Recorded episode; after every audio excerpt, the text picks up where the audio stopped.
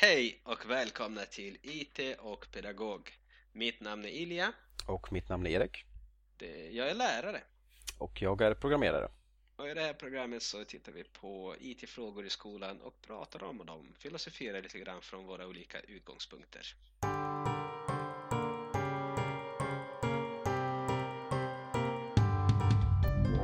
Först så har vi nyheter. Vi har två stycken studier, eller en doktorsavhandling och en eh, annan studie som vi inte har kunnat läsa.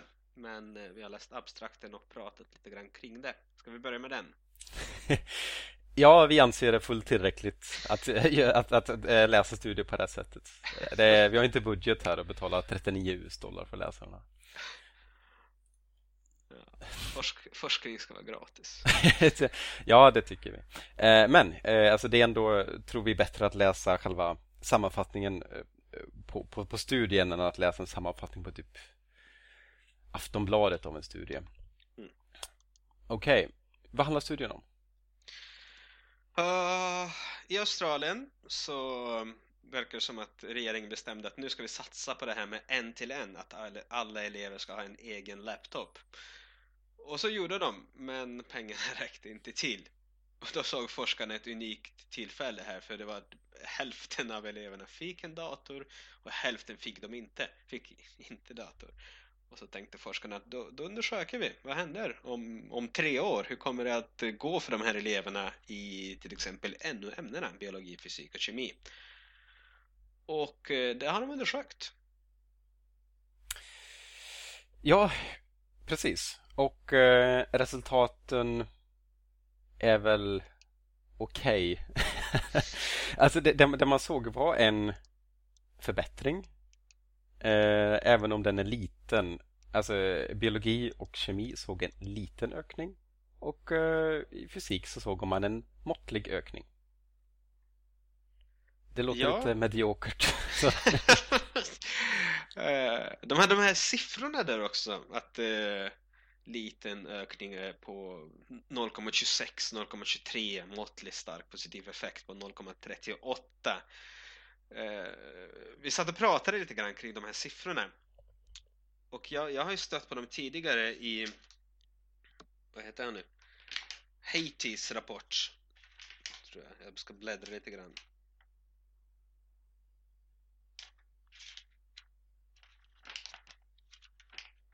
John Haiti. John, John Haiti hade gjort sin, sin uh, ganska omtalade rapport och då använde han ju också liknande siffror. Så vi, har, vi satt och googlade och försökte komma fram till vad de här siffrorna betydde.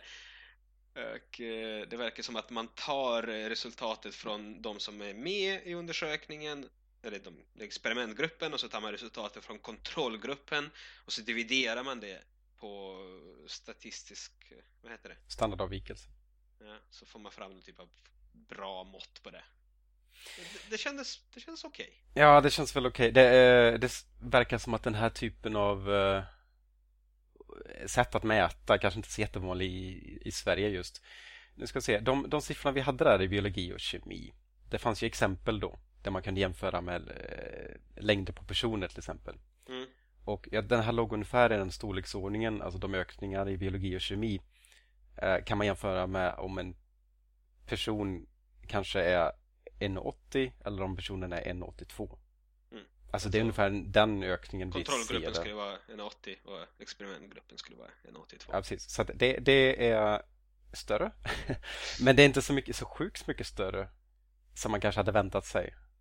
Eh, I fysik däremot så eh, ser vi en större ökning. Uh, och det fanns ju en idé om att i fysik så kanske det lämpar sig väldigt bra med att ha en egen dator för att man kan till exempel se simuleringar mm. Eh, väldigt väl. Ja, och det, det, det, låter, det låter väldigt sant. Det låter så, väldigt troligt att man kan inte bara se simuleringar, att man kan själv simulera olika fysikaliska händelser. Och det som du pratade om tidigare, man kan ju ta en Space Engine trip ut i rymden för att besöka den. Nej, men det är klart att en dator är en grundförutsättning för att utöva fysik på högre nivåer. Och det här var en undersökning i skolan årskurs 9 och högre. Så ja. ja. Det känns som en no-brainer. Ja, okej okay, så um, Okej, okay, men det som är intressant är att man såg i alla fall att det var statistiskt signifikant mm. Men ändå så känns det som att det är kanske inte så jättemycket att hurra för men det är ändå men intressant att man... För de pengarna, för, de, för det handlar ju Alltså, jag är lite skeptisk till en till en undervisning eh, inte bara inte bara när det gäller pengar utan det, det måste ju, hela arbetssättet måste förändras ifall en till en undervisningen ska implementeras och, och, lyckas. Läraren måste förändra sitt undervisningssätt, eleverna måste eh, Eh, anpassa sig och förändra sitt inlärningssätt och eh, själva skolan, hela strukturen där måste förändras. Och det är ett enormt projekt. Och jag är inte säker på att det är värt det. Och den här studien mm, övertalar inte mig. Ja, det, det kan ha varit så att om man la ner så mycket pengar som man gjorde så är det ju mycket möjligt att man hade kunnat investera i någonting mer traditionellt och fått lika bra resultat. Mm. Som jobbat på att utbilda sina lärare eller anställa bättre lärare kanske. Mm. Kanske hade gett mer resultat. Eh, sen kan vi också diskutera förstås um, Ja, hur ser det ut idag egentligen? Det, det var en del som, som man såg kommentera på den artikeln och menade att egentligen det att skolan delar ut hårdvara är ändå bara trams. Det är bättre att eleverna tar med sin egen hårdvara. Men det är en annan fråga i sig för att det blir en sorts en till en. Men det ligger inte på skolan att eh, se till att man har de här grejerna. För tydligen kunde eleverna ändå köpa loss dem men problemet att då var de liksom låsta så man kunde inte göra vad man ville med dem plus att det blev i praktiken väldigt dyrt. Mm. Okay. Okay.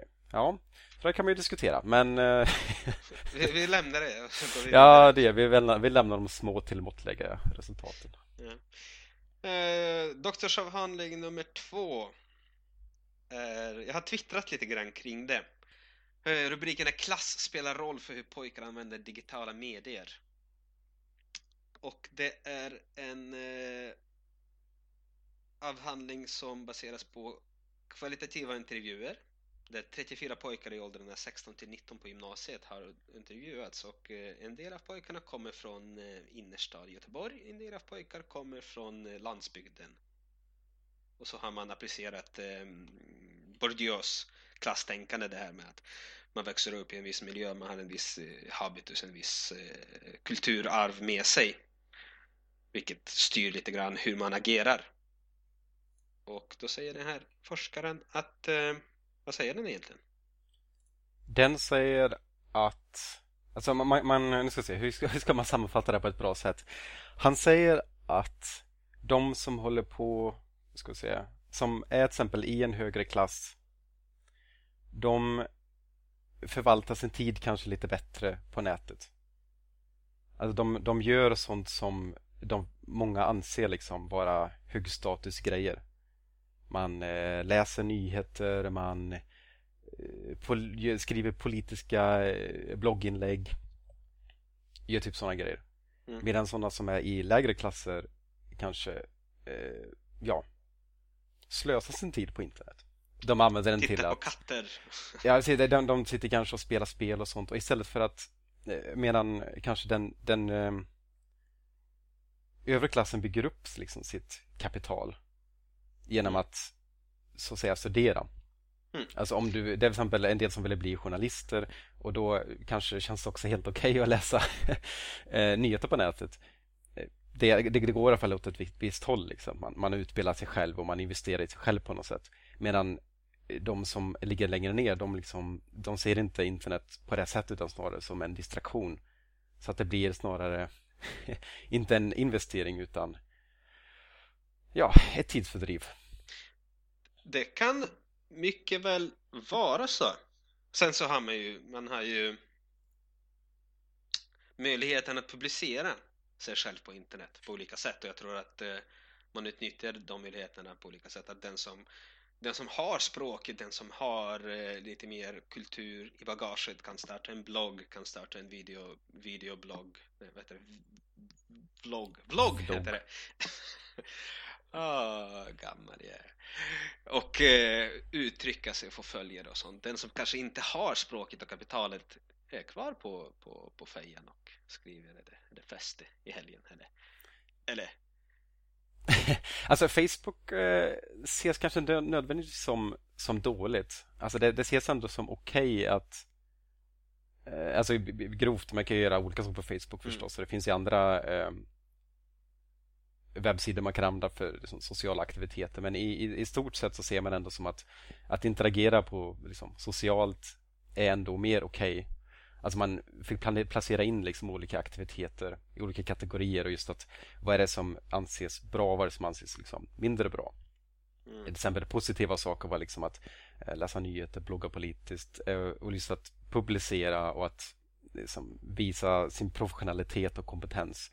Men negativt var liksom att eh, besöka sidor om hur man gör sprängämnen, eh, spela spel, högerextrema sajter. Eh, och en intressant grej var att de kunde inte riktigt bestämma sig var pornografi skulle ligga. Det, det, det, var också så lite konstigt att det var, de flesta var ju ändå sådär och det var väl ändå det som blev slutsatsen att det, det faller under den dåliga kategorin. Alltså mer tidsfördriv, destruktivt och sådär.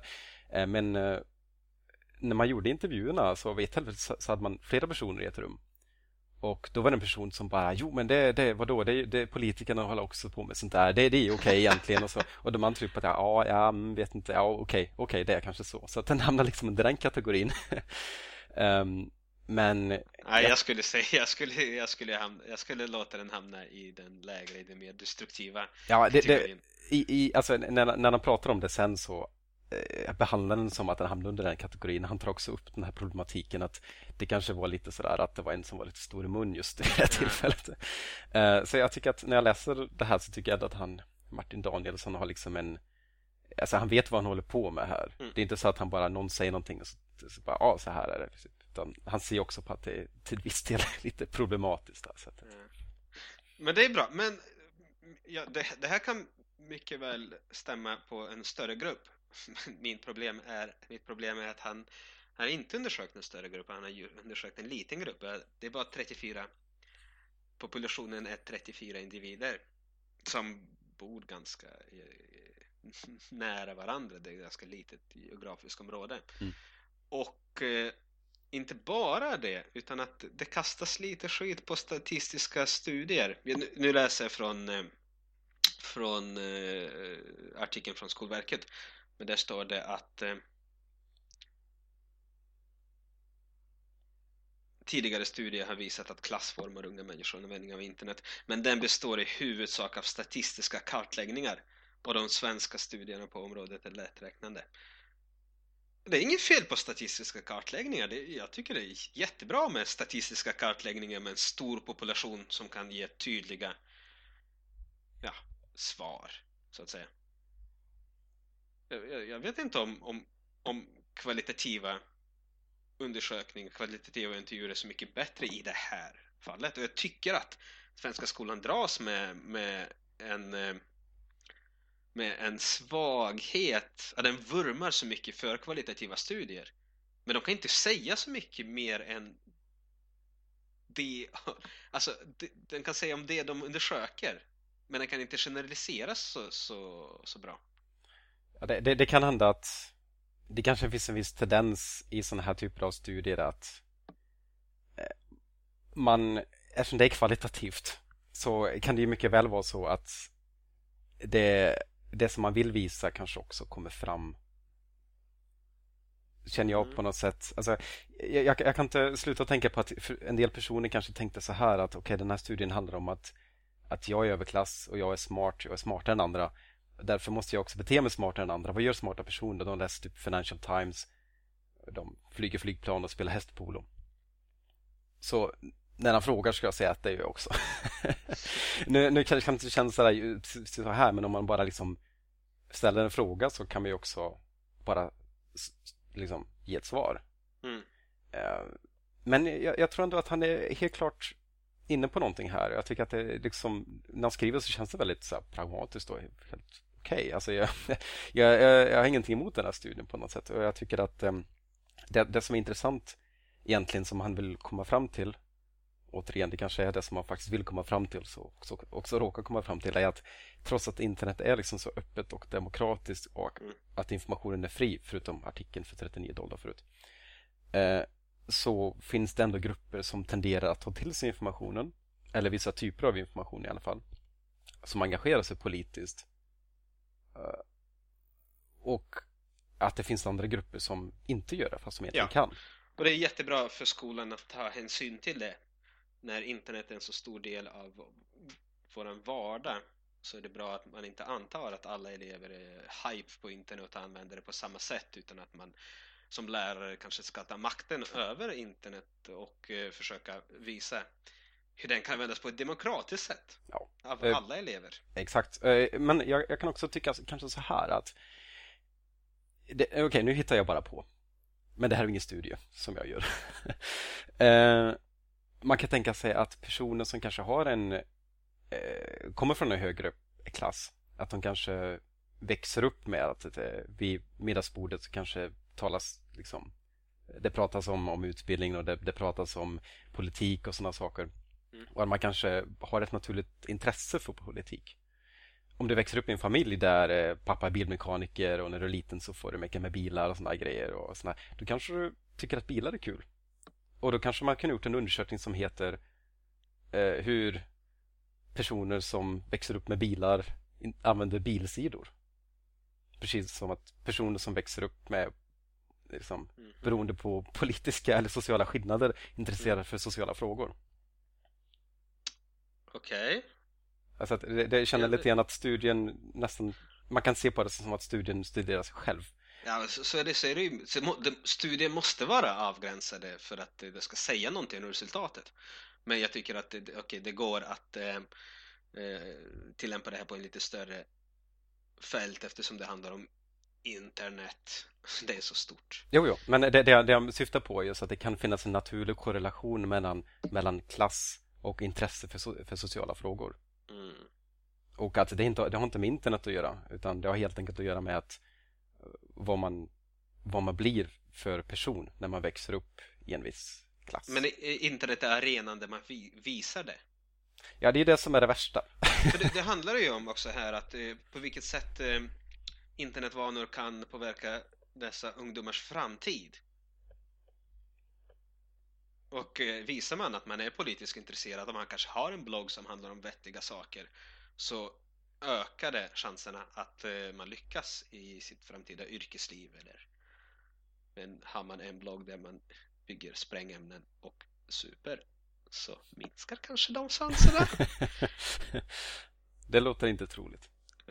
Eh, en sak till för det som jag vill lämna om den här studien för att det var en sak som kanske intresserar mig eh, mest. För det här klassbegreppet är ju jättesvårt egentligen. Mm. Men eh, han har delat upp det väldigt alltså, lättförståeligt egentligen vet inte, såg du den tabellen över, eh, över klasserna och så? För det, det som han har gjort är att han har tänkt så här, okej, okay, eh, det finns tre klasser. Ja, i den här studien i alla fall. Och eh, en är övre, en är undre och en är liksom uppåtsträvande. Mm. Och det som placerar en viss klass beror, beror på vad föräldrarna har för utbildning mm. och jobb och vad man själv strävar efter för utbildning och jobb. Mm. Vilket betyder att de i den övre klassen de har liksom välutbildade föräldrar med bra jobb. Och det finns någon typ av klassificering med jobb som räknas vilka räknas som högre, vilka räknas som lägre. Mm. Um, och det, då hamnar man i den klassen. Då, så ens, lärare, ens föräldrar har liksom universitetsutbildning och de jobbar som läkare, advokat och sådana saker. Lägre klassen är liksom kanske föräldrar med gymnasieutbildning uh, och lite enklare yrken.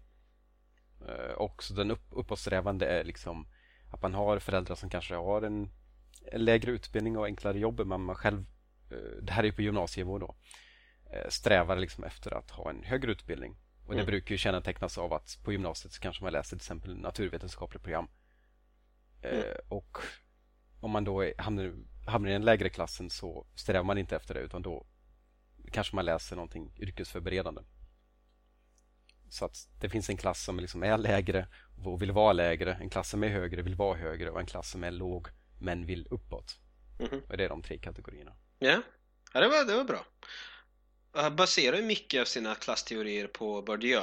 Och vi läste Bourdieu när jag läste när vi läste lärarprogrammet och det var en av de filosoferna som jag fastnade mest för. Väldigt eh, ganska enkla tankar men eh, väldigt breda.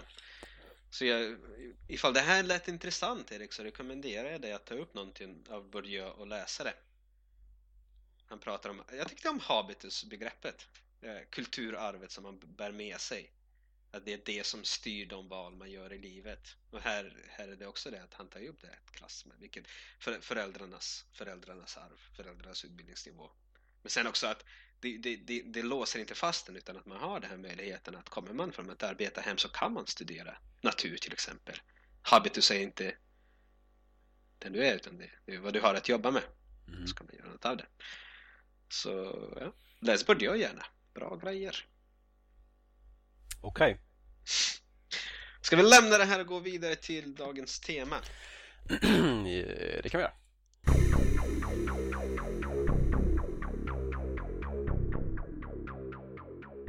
Ja, eh, idag så tänkte vi faktiskt köra lite App-bonanza! Vi tänkte kolla på olika matteappar och eh, hemsidor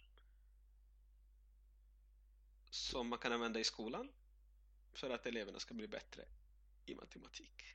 Det är väl bara att dyka rätt in. Vi kommer att, eh, ja, vi tar en i taget och så pratar vi lite grann kring det. Länkar till eh, apparna kan du hitta på vår hemsida och eh, den, alla de här finns i App Store och några finns i Google Store. Vi kan väl nämna vilka som finns, eller vilka som finns i Google Store när vi pratar om dem. Mm, absolut. Vi har testat appen Flow Free. Ja, precis. Det, det, det har vi gjort. Uh, Flow Free. Um, nu ska vi se. Det kan väl, alltså det är ett sorts pusselspel. Det handlar om att binda samman punkter på ett rutnät med linjer. Och så uh, får kan en linje inte korsas. Och så ska man fylla upp hela rutnätet med sina linjer. Mm. Inte så mycket siffermatematik är det, men mest mer logiskt tänkande. Ja, precis. Alltså, jag känner väl att det är en sån här kul grej som eh, man kan hålla på med en stund. Uh, det finns många svårighetsnivåer och, och, och sådana saker. Um, kul att hålla på med, men jag vet inte. Alltså, det är ingenting som jag direkt känner att när jag gör det här så lär mig jag det här. Alltså, det kan ju säkert vara det är säkert ingen skada men jag känner liksom kanske att det Nej, jag vet. Jag som, jag som lärare skulle kunna använda det här att eh, jag sätter eleverna i, i, små grupper, två, tre elever i varje grupp. Och så ger jag dem en uppgift och så säger jag att ni får inte, ni får inte peka och, och klicka utan ni, ni, får prata igenom först. Hur ska ni lösa den här problem, det här problemet? Och så får ni kanske berätta det och presentera det och sen får ni lösa det. Så att det här kan vara ett sätt att få eleverna att prata kring problem och eh, få dem att försöka diskutera olika lösningar. Mm. Eller så sitter man och klickar själv. För det är, det är ganska lätt att komma in och fastna. Men det, är ganska, det är väldigt enkel och tilltalande grafik. Men jag eh, tror att det här är någonting som du kommer använda liksom undervisningen? Nej. Okej, okay. och med det kan vi gå vidare till nästa kanske. Virtual Manipulatives testade vi och du var väldigt tveksam till det. Alltså de andra apparna är ju appar där man eh, Ja, man ska lösa problem och sådär på något sätt. Alltså som elev kanske man får en uppgift och så ska man lösa den. Det här är mer att en, lärare kanske ska ja, konstruera en uppgift och visa för elever och så har den där verktyget då. Och eh, nu kanske inte jag brukar göra uppgifter så ofta för jag har inga elever, jag är inte lärare. Men eh, alltså jag upplevde att verktyget för mig tyckte jag mest såg ut som det skulle komma i vägen. Alltså man kan hålla på med bråk och då har man sån här bitar eller man kan ha mm. pajer, tårtor och, och dra ut liksom så visa typ att ja, en bit är typ så här lång, då en halv bit så här lång. Och så kan man ha typ en Eh, kan man ta kort och så kan man lägga in det grejer så kan man visa så här. Oh, här är en hel, Jag måste köra lite konsumentupplysning här. Virtual manipulatives. Eh, du kan alltså jämföra och använda bråk, procent och decimal. Du kan ta in bilder i det. För att... Eh... ja, och, se, och jag, jag, kände lite så här att när jag, när jag såg det så tänkte att det här det hjälper inte tillräckligt mycket för att det ska ge någon riktig hjälp. Det här kan man rita på en whiteboard eller jag kan mm. typ ta en bild och sen kan jag liksom bara rita en box och skriva det här är ett. Och sen rita en box som är så stor och skriva där är en halv. Mm. Jag, jag, jag, tyckte att det, det, det känns inte som det gav så mycket hjälp. Plus Nej, att... det, det, kan ju funka för elever som inte kan rita så bra. Där, där har de färdiga block. Så ska de redan göra sina tankar i, om de har haft någon uppgift som har med block att göra så kan de använda det här programmet för att visa. Jo, men det, det finns ingen så här eh, rätta knapp. Alltså man trycker inte så här, ja nu är jag klar. Tryck, nu hade jag rätt. Utan det är ju bara för att visualisera någonting. Mm. Så det är ju inga uppgifter som man får egentligen. Utan man gör ju uppgifter och sen så får man väl jag får väl även lösa det då, men det känns ändå som att arbetet känns... Ehm, att det, är ingen, det är ingen plattform liksom för lärande på något sätt. Nej, jag tänker att nu tänker jag på de här 0,28, 0,34 för det finns ju ändå ett inkörningsperiod med varje app. Ska du, ska du lära klassen att använda det så tar det tid och är den tiden är det, är det värt att lägga ner den tiden beroende på vilket resultat du får? Och jag känner spontant att nej, nej, säger jag. Det är inte värt att lägga ner tid på att införa det här i helklass, inte, inte, inte på mellanstadiet i alla fall. Men om man säger så här, jag tycker ändå att det är en eh, kategori av app som har mycket potential. Alltså jag tror ändå att det, det till viss del löser liksom ett, ett problem.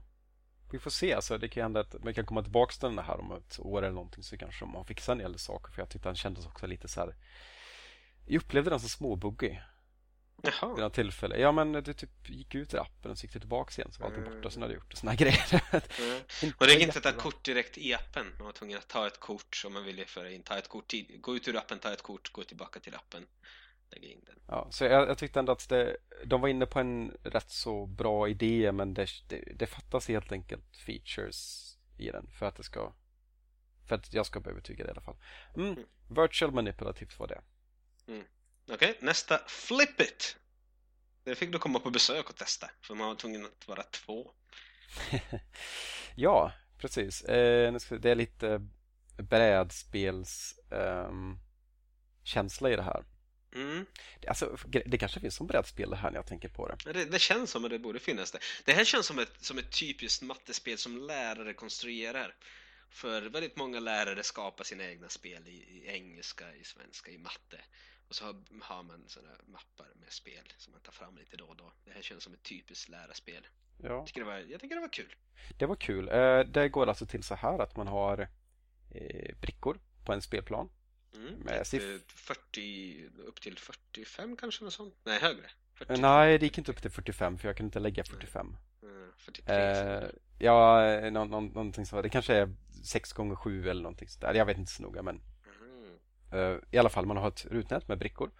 Eh, varje med ökande liksom, eh, storleksordning på de där. Och så har man även en poäng på varje bricka. Och spelet går till så att det slumpas då en liten några tal längst ner.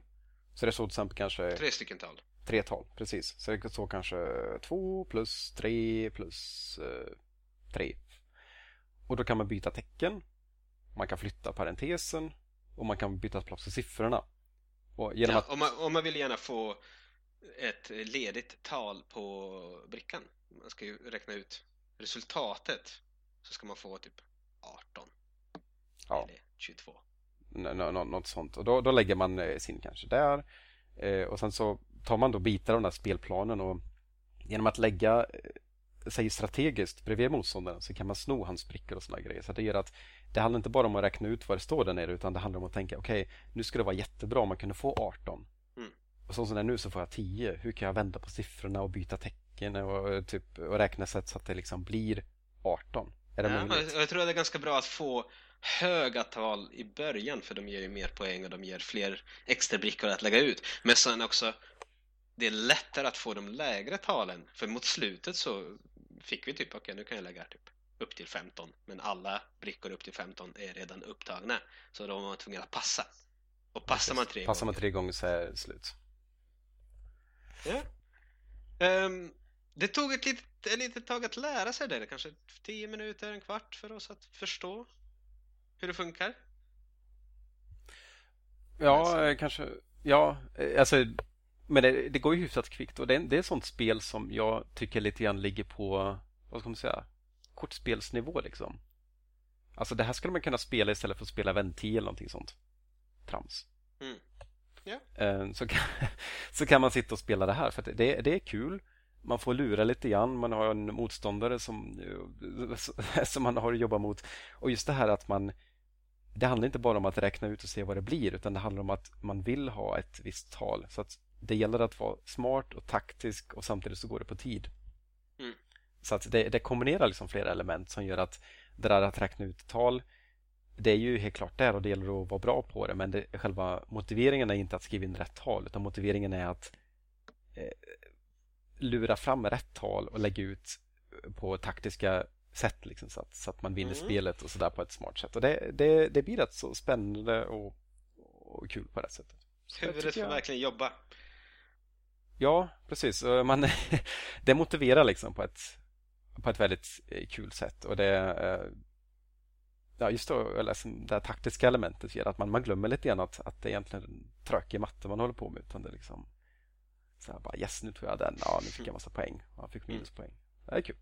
Ja, jag tror att det, det, kan vara lite svårt, eh, ja, så är det i alla spel, att man, man måste ju ha rätt utmaning. Det får inte vara att någon ö, över, överklassar den andra.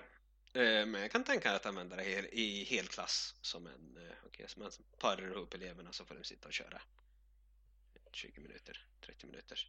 Jag tror, det, jag tror ändå att det här är bättre hemma. Att eh, föräldrarna kan köra med sina barn för det tar, det, det tar ju ändå en liten stund och varje minut, minut är dyrräknad i klassrummet känner jag att en, en, en timme som används fel tar på mig. Jag tänker att nej, det här är ju bättre. Så jag vet inte om det är eh, väl investerad tid i klassrummet om jag tänker på en mattelektion. Men som en bonusuppgift eller som en eh, liten engångshändelse okej, okay, men mycket bättre som någonting som eleverna gör hemma. För som sagt, jag skulle nästan kunna se det som en sak som eleverna håller på med på, på rasten. Liksom. Mm. Men eh, jag vet inte exakt. De kanske inte tycker att... Eh, du får testa helt enkelt. Du kan ju föreslå den här appen och så kan de väl hålla på med det lite grann. Kan att några tycker att det är kul att de fastnar och att, eller att mm. tycker de att det är bara Ja, och det, det finns bara till eh, Det finns på App Store så det finns inte till på Google Store. Tyvärr. Väldigt elakt gjort. Ja. Eh, jag tänker årskurs 4 och uppåt är lämpligt. Ja, kanske mm. det är du. Okej, okay, nästa app. Ja, här var vi imponerade och eh, glada och lyckliga på en och samma gång. Vi testade NOMP som är typ en hemsida, finns som en app, finns till Google, finns till eh, Apple. Eh, jag skrev ner från deras, från App Store att det är en reklamfri tjänst där man kan träna matte 1-6. Och man kan tävla mot sig själv och samla medaljer. Och så är det jättemånga uppgifter. Precis, det är många, många nivåer eh, och eh, ja, det är nog rätt så bra. Man kan verkligen hitta liksom rätt nivå och så kan man säga till dem, gör det här, gör det här. Ja, för det, det, här, det, går att göra det här själv som elev, men det går även att ha ett föräldrar eller ett lärarkonto så man kan dela ut uppgifter. Så kan man följa upp resultat. Men eh, både föräldrar och lärarkonto kostar en slant. Inte inga stora summor, men eh, lite slant. Okej, okay, uh, nu ser Hur... Undrar, uh, förlåt? Lärarkonto. 150 i månaden för ett lärarkonto. 150 i månaden. Mm. Eh, jo, just det. Det finns en 12 månaders grej som betalar för, för 10 månader eller någonting ja. sånt. Så och så finns det ett, ett, ett, skolkonto som är dyrare men billigare. Mm. Dyrare men billigare. Ja. Eh, Okej, okay, nu ska se. Hur fungerar det här nu då? Jo, eh, man eh, har en nivå då helt enkelt. På nivån så finns det olika uppgifter man kan välja mellan. Vad har de för karaktär de här? Det finns lite aritmetik. Det finns lite vilken är större än vilken. Eh, klicka på rätt symbol. Eh, det finns geometri, det finns eh, textuppgifter. Det finns helt enkelt en, en hyfsad varierad mängd olika uppgifter. Det är, inte, det är liksom inte bara aritmetik.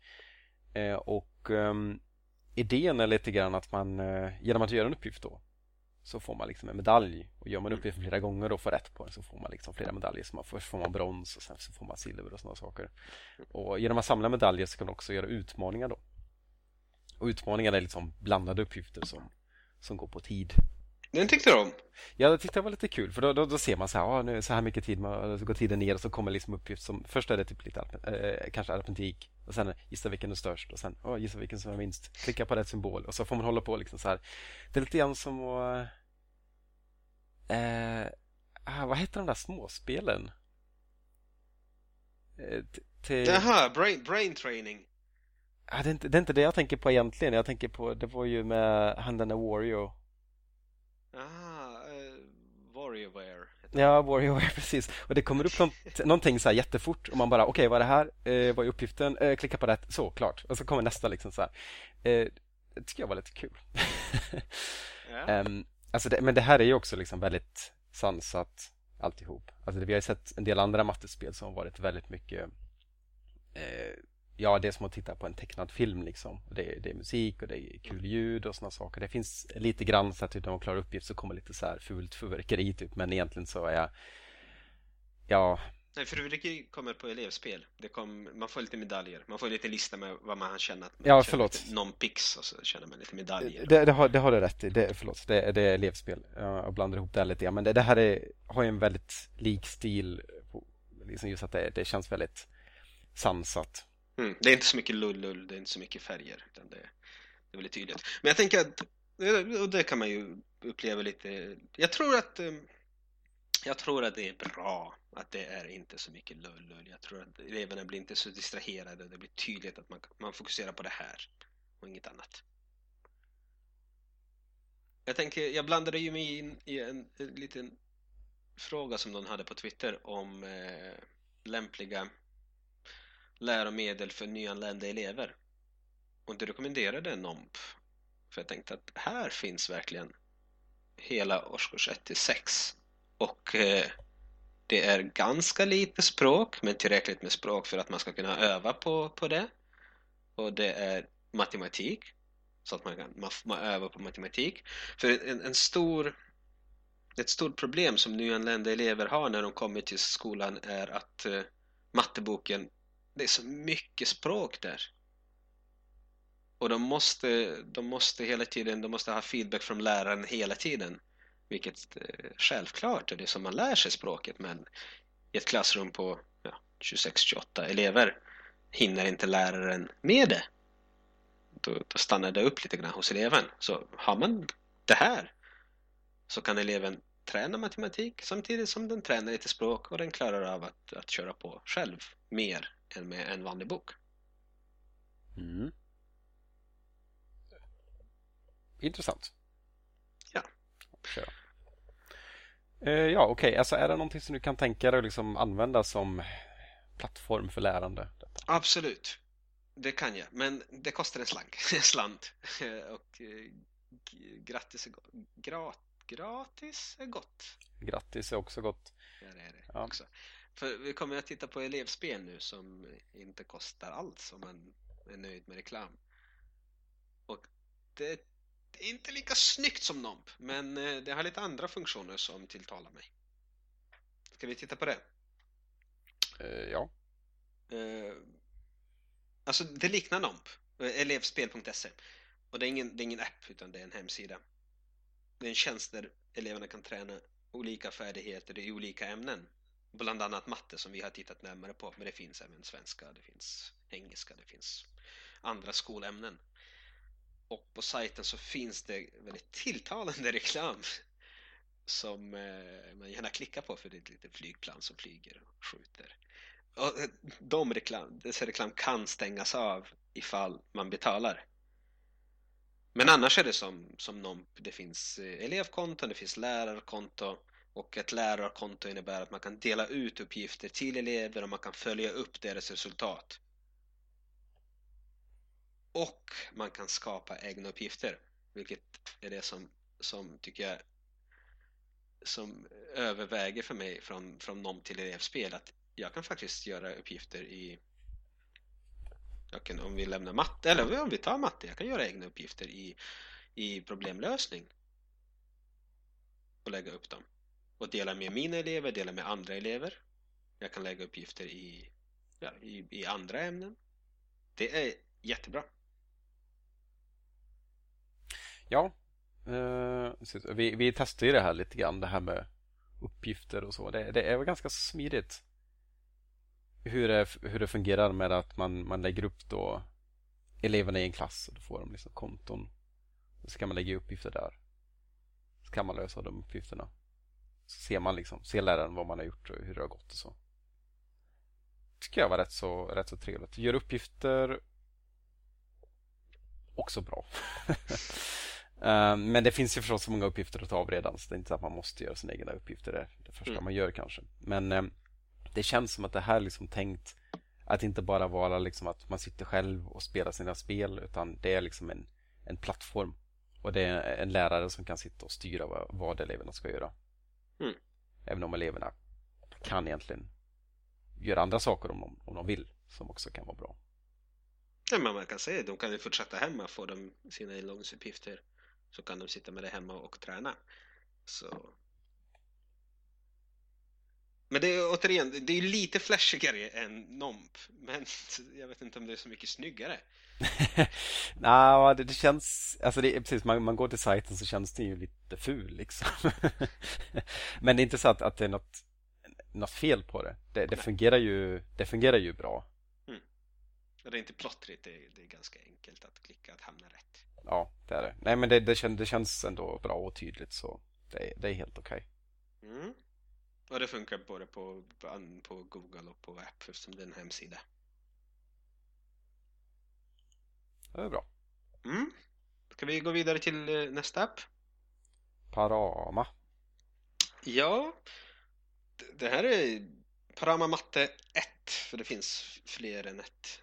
Och eh, jag läste lite grann kring det. Det är, någon, det är en belönad matematiker som har utvecklat det här hon har fått eh, Kungliga Vetenskapsakademins pris, tror jag, något sånt.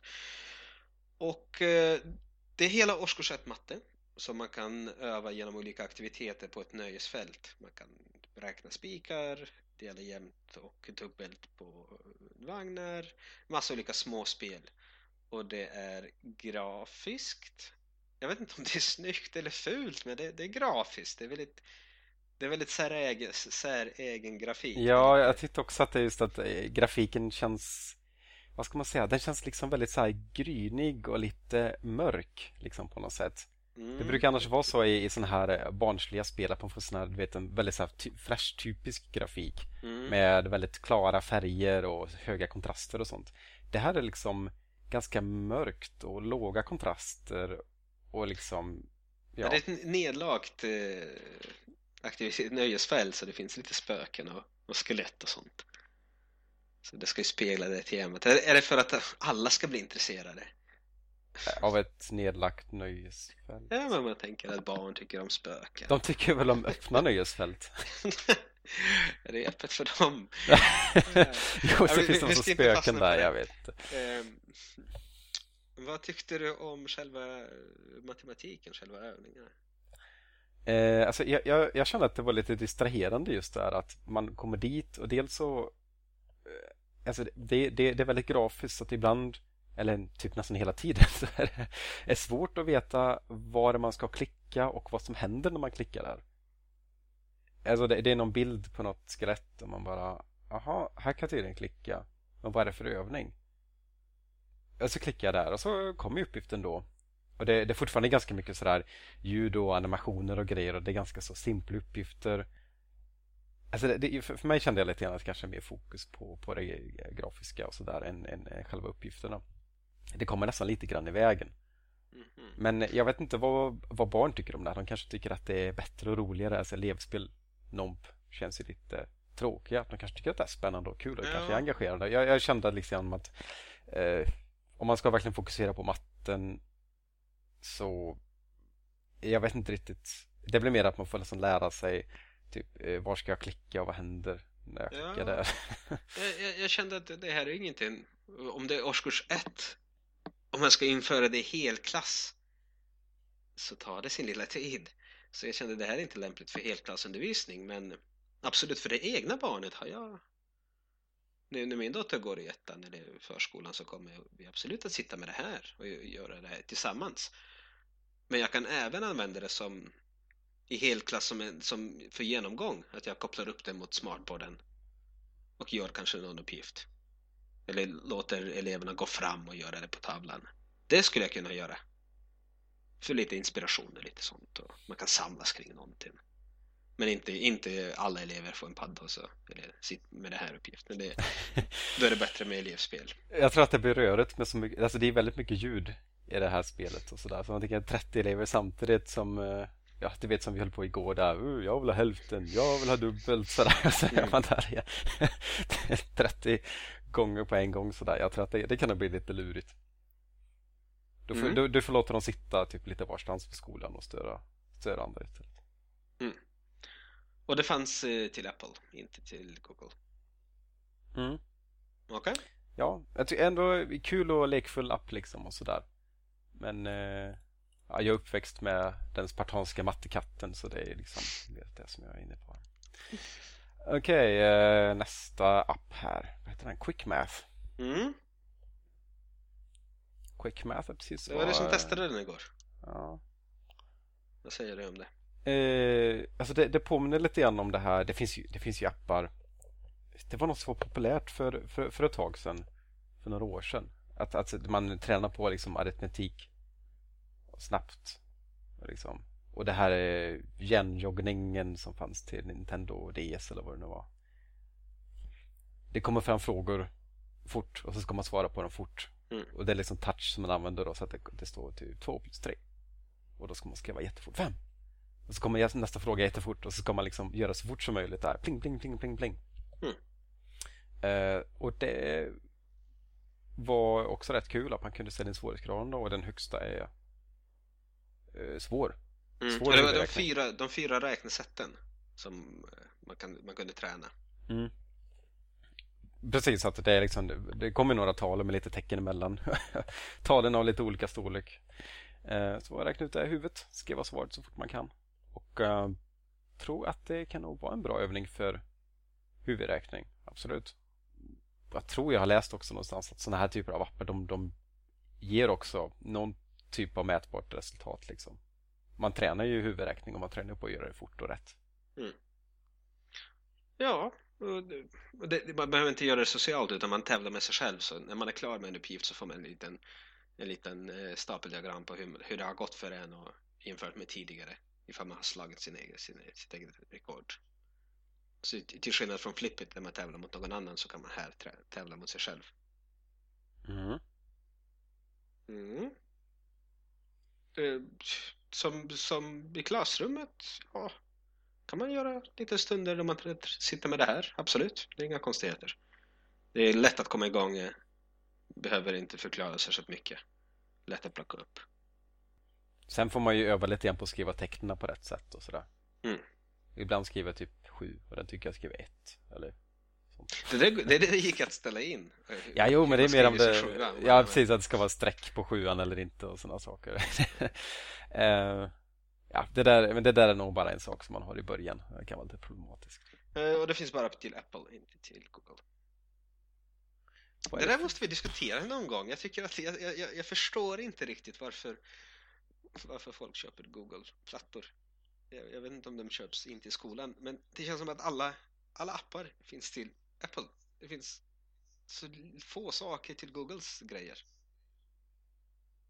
Jag ska inte säga att det finns få saker, men det är, är det ju så att um, alltså App, Apples plattform associeras kanske med lite mer lukrativitet. Mm. Fast å andra sidan, de, de, jag tycker det bästa vi har, vi är inte klara än, men ändå det bästa är delat. Typ NOMP och elevspel går att köra på båda. Och jag var mest nöjd med de två. Ja, precis. Vi tyckte att de var kanske bäst i alla fall så att eh, behöver inte diskutera så länge. Men jag tycker att ja, jag kan mycket väl tänka mig att det för sig blir um, bättre och bättre för för Android. Sen har vi inte specifikt i och för sig tittat på till exempel Android-lösningar utan vi har ju tittat på appar och se vad, det, vad finns det för appar, vad, vad pratas det om för appar. Mm. Och utgått från det och sen har det visat sig, okej, okay, de var mest för, för Apple då kanske. Ja, för jag läste, jag fick inspiration att uh, testa matteappar från uh, skolvärlden, Lärarförbundets, Lärarnas riksförbund tidning. Och då rekommenderade de appar och då var det sex olika appar och uh, tjof, fyra fanns till Apple och två till Google, något sånt tror jag det var. För det är inte det, är inte det inte att, att det inte finns, det är klart att det finns ju jättemånga till, till Android. Det kanske man kan ta en separat grej för sig på Android. Android, alltså, alltså det, det, är ju ändå så, alltså Android är ju väldigt populärt. Alltså som man ser till marknadsandelen så är det ju stort. Mm. Alltså är, är det, hur är det nu? Alltså världen är stort i alla fall. Det är typ 80% marknadsandel, någonting sånt. Mm. Men det kan mycket väl vara så, det här är och för sig mitt lilla på nu, men um, om man till exempel på, på Sverige så kanske det in, inte är den fördelningen. Vi har ju råd att köpa massa dyra Apple-produkter. Medan om, det finns ju större marknader som, som är liksom eh, där folk kanske tittar mer på pris. Ja. Kanske man köper Android. De tittar på pris, de tittar på kvalitet också förstås. Och prestanda. Och om de är snygga. Ja. um, uh, Sluta köpa Apple! Sluta köpa Apple! vi går vidare till nästa Apple. Uh, det är mattebageriet. Uh, som ett kollade vi på, börja räkna. Där man tränar på de två räknesätten. Man tränar addition och subtraktion med hjälp av kakor. Pepparkakor. Pepparkakor. Man har en tallinje högst upp på plåten och så får man lite uppgifter beroende. Man kan träna på 10 kamrater, man kan träna på enkla additioner, lite större additioner med tiotals övergångar, 20-tals övergångar, ganska enkel matte. Eh, och så lite, lite fin grafik och lite fina ljud. Ja, det, det, det, för mig kändes det som att det var lite lagom mycket sådär lullull. Och här ser man också den här typiska Flash-grafiken. Det är mm. liksom mm. enkla animationer och det, det, det, är tydligt och sådär. Och det, det, är inte så mycket trams utan det är ganska så liksom, man hoppar på rätt snabbt på en gång på det här med att liksom lägga kakor på en plåt. Mm. Och um, som du säger, man har ju en tallinje då, den går ju från 1 till 10 så att jag det finns en övning specifikt för 10 kompisarna men jag upplevde det som att oavsett vilken övning man än gör så övar man så övar man liksom på 10 kompisarna för att man ser ju då att upp till 10 det är liksom en rad. Och jobbar man med större tal så ser man ju liksom så här raderna väldigt tydligt. Tänker liksom, det är 10, det är 20, det är 30. Mm. Och sen så har man då alltså addition till exempel i att man har druppeläggskakor. Hur är det nu? De där uppe, de är typ hjärtan.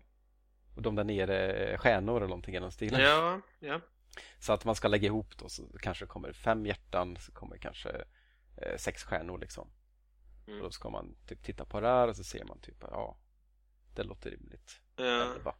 Och så stå, stå, har man även eh, när man ska svara så har man själva uppgiften där uppe i, med tal och så har man möjlighet att välja sitt svar med tal där nere så pekar man.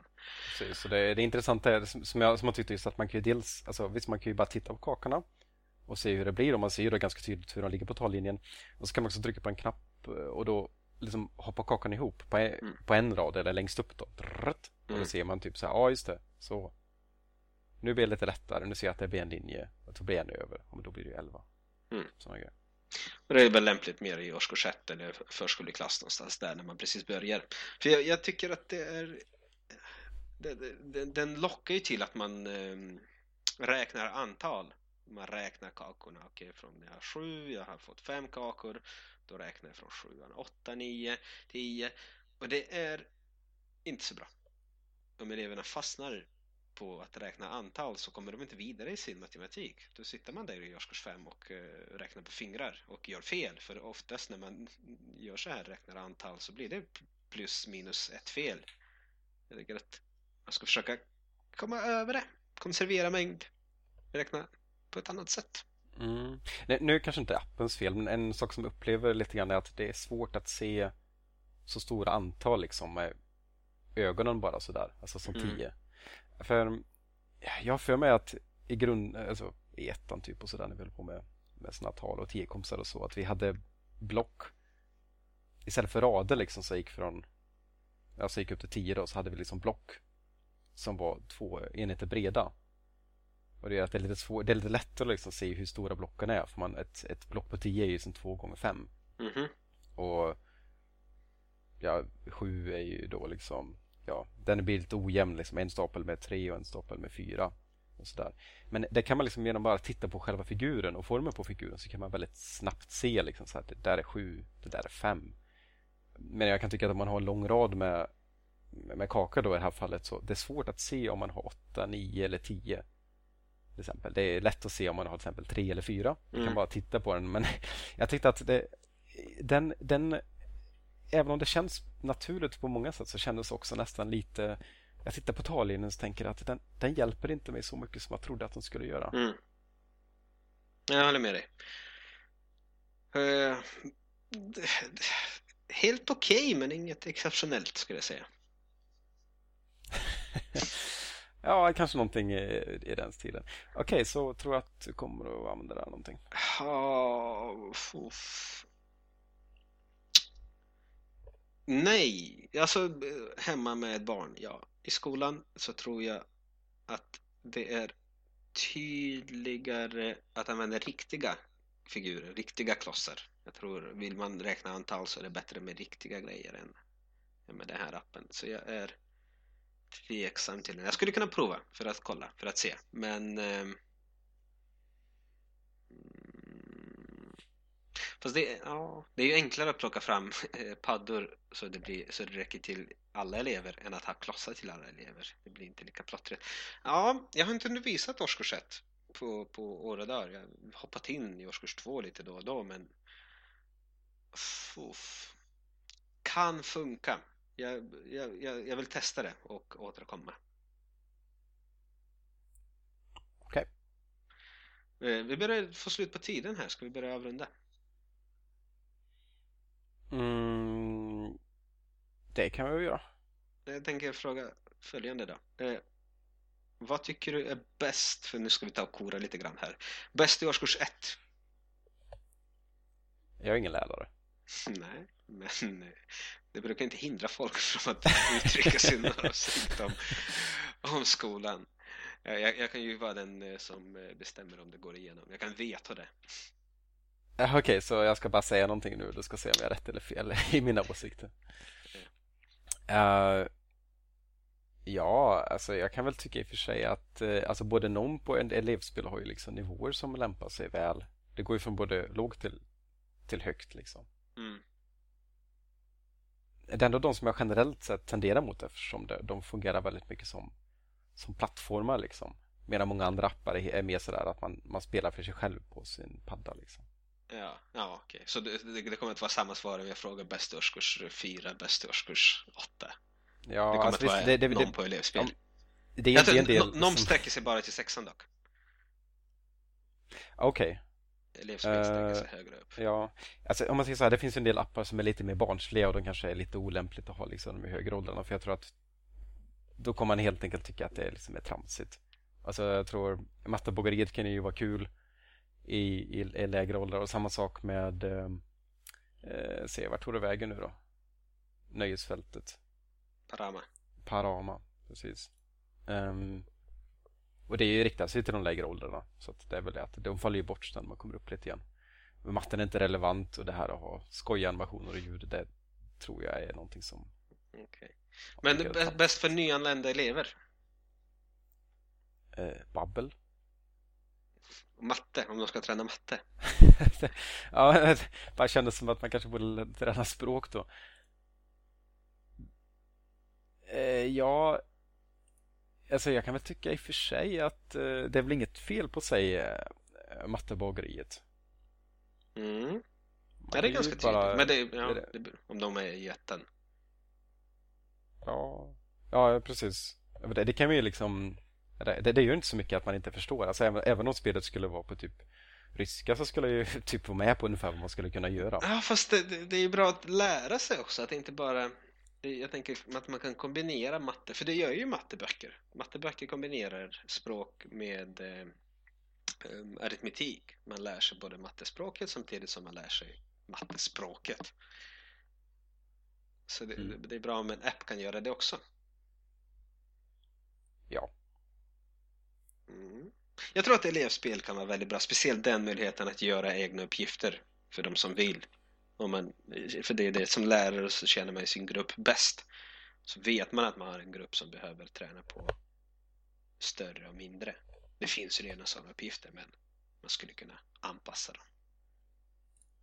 Ja, jag ska testa elevspel så vi kan väl återkomma till det om några månader tror jag när det, när det är väl testat. Ska vi hålla hur. Ja, precis. Tycker jag låter intressant. Okej, det har varit trevligt det här. Mhm. Ska du ha en eh, god jul så ska vi träffas eh, nästa år. Ja, just det. Precis. Eh, God jul då. God jul, tack för det där. Absolut för idag.